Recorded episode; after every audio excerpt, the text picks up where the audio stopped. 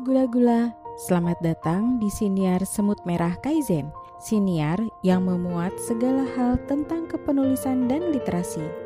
Di bulan Juli ini, setiap hari kita akan berbagi cerita sosok inspiratif dan catatan dari para semut dusun non-fiksi. Selamat menyimak.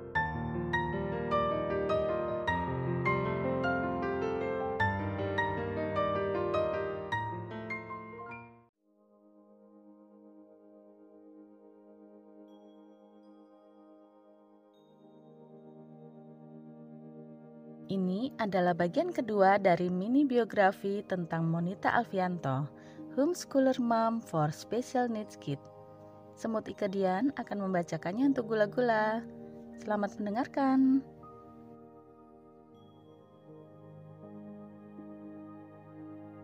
Kembali lagi kita mendengarkan kisah Monita Alfianto ya.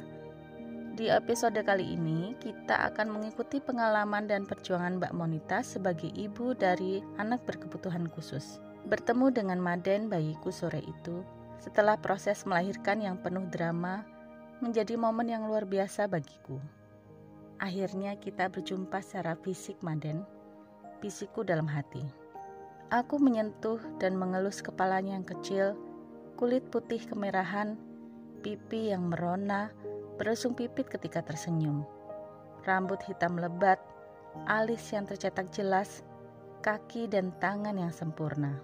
Aku merasa hidupku sudah sangat lengkap. Aku tidak berhenti tersenyum saat ku dekap bayiku dengan hangat.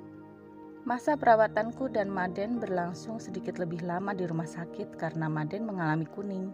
Terbit sedikit rasa khawatir dan cemas ketika aku kembali mengingat-ingat proses Maden yang lahir tanpa nafas kulit membiru, dan tidak bergerak. Tapi aku berusaha yakin bahwa Tuhan akan menyertai kami. Hingga akhirnya kuputuskan untuk berhenti bekerja dan bertekad untuk merawat Maden dengan tanganku sendiri. Maden alergi. Diagnosa dokter menunjukkan hasil demikian setelah beberapa waktu lalu Maden selalu muntah sehabis kususui. Awalnya Oma mengira Maden mengalami masuk angin, kembung, dan harus dipijat bayi supaya tidak sering muntah. Tapi tetap saja Manden muntah. Bahkan berujung pada BAB yang keras dan sempat ada darah sedikit. Nenek sepuh tukang urut bilang, itu karena rasa asi kamu gak enak dok. Jadi perut Manden menolak. Kamu kan lagi masuk angin. Aku tersenyum saat mengingat hal itu. Masa persoalan masuk angin saja bisa mempengaruhi rasa asi? Begitupun ketika aku meminta pendapat dari beberapa teman yang sudah memiliki anak. Jawaban mereka masih terasa abu-abu.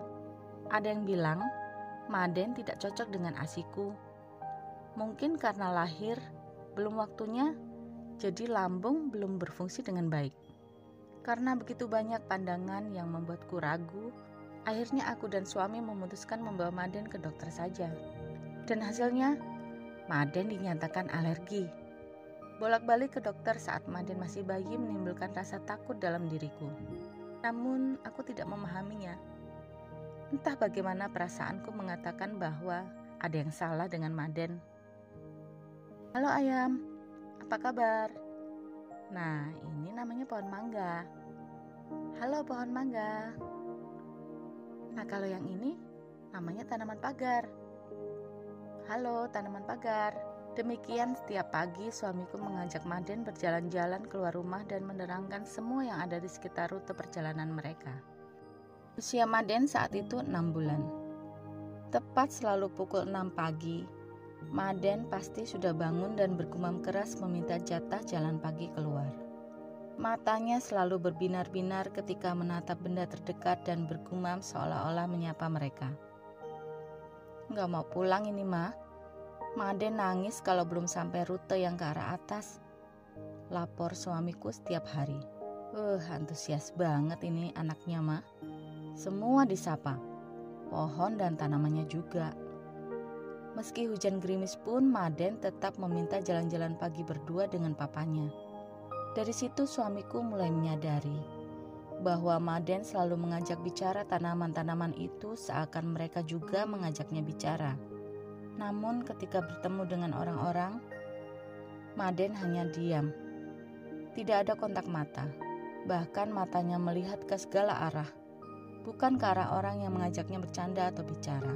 Maden tidak merespon ketika disapa. Tidak mau dipegang, dicolek dengan satu jari pun dia menolak. Dan jika dipaksa, maka Maden pasti membuat mimik sidih dan mata berkaca-kaca siap menangis. Rute jalan pagi yang diminta pun tidak boleh berubah. Waktu Maden berusia 9 bulan, saudara sepupunya berulang tahun dan sekeluarga merayakan ulang tahunnya di rumah Atai. Panggilan kakek buyut di keluarga kami dari pihak keluarga besarku.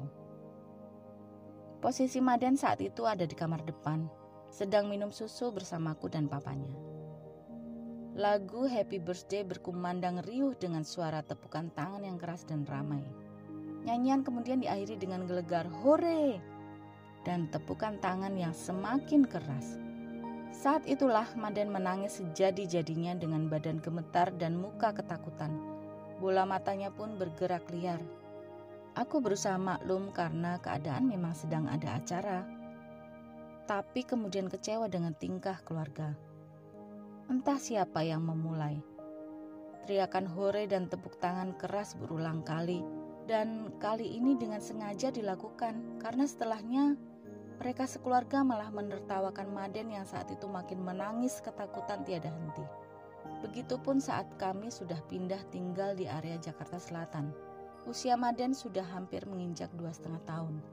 Suara deru mobil yang digas tanpa henti dan menimbulkan suara bising pasti membuat Maden spontan menjerit histeris.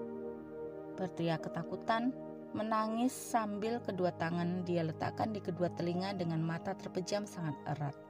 Suara motor dengan knalpot modif, petir, speaker yang terlalu keras, suara pesawat, suara tepukan tangan yang kencang, orang berteriak, suara kokok ayam, suara kambing mengembik, suara cicit tikus, suara petasan, dan masih banyak lagi suara lainnya yang membuat Maden tantrum ketakutan dalam jangka waktu yang lama untuk bisa tenang kembali. Ah, maafkan Mama, Maden. Mama serta Papa masih sangat minim informasi tentang ASD. Demikian pula keluarga Mama saat itu. Belum paham apa itu ASD dan apa yang sebaiknya dihindari untuk mencegah tantrum kamu muncul hingga membuatmu ketakutan. Saat Maden berusia 4 tahun dan mulai masuk playground, Maden sempat ketakutan masuk kelas hanya karena swing AC yang bergerak ke atas dan ke bawah. Aku sampai harus menunggu Maden di dalam kelas. Kemampuan komunikasi Maden belumlah cukup untuk mengutarakan apa yang ditakutinya. Bahkan tidak menunjuk pada sumber apa yang membuat rasa takut dan tidak nyamannya muncul.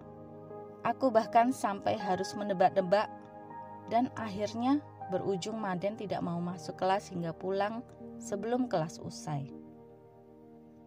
Setelah satu minggu berjalan, barulah rasa takut Maden masuk kelas terpecahkan.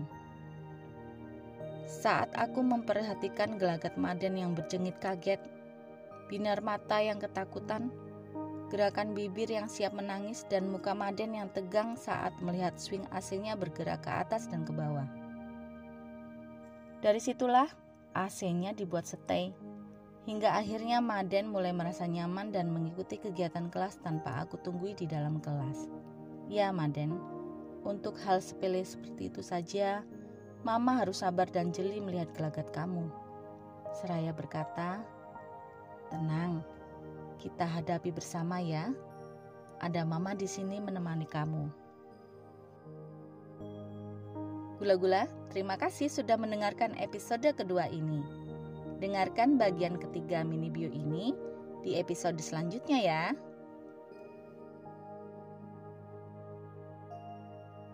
Demikian cerita inspiratif hari ini. Sampai jumpa esok hari dengan cerita inspiratif yang lain. Salam literasi.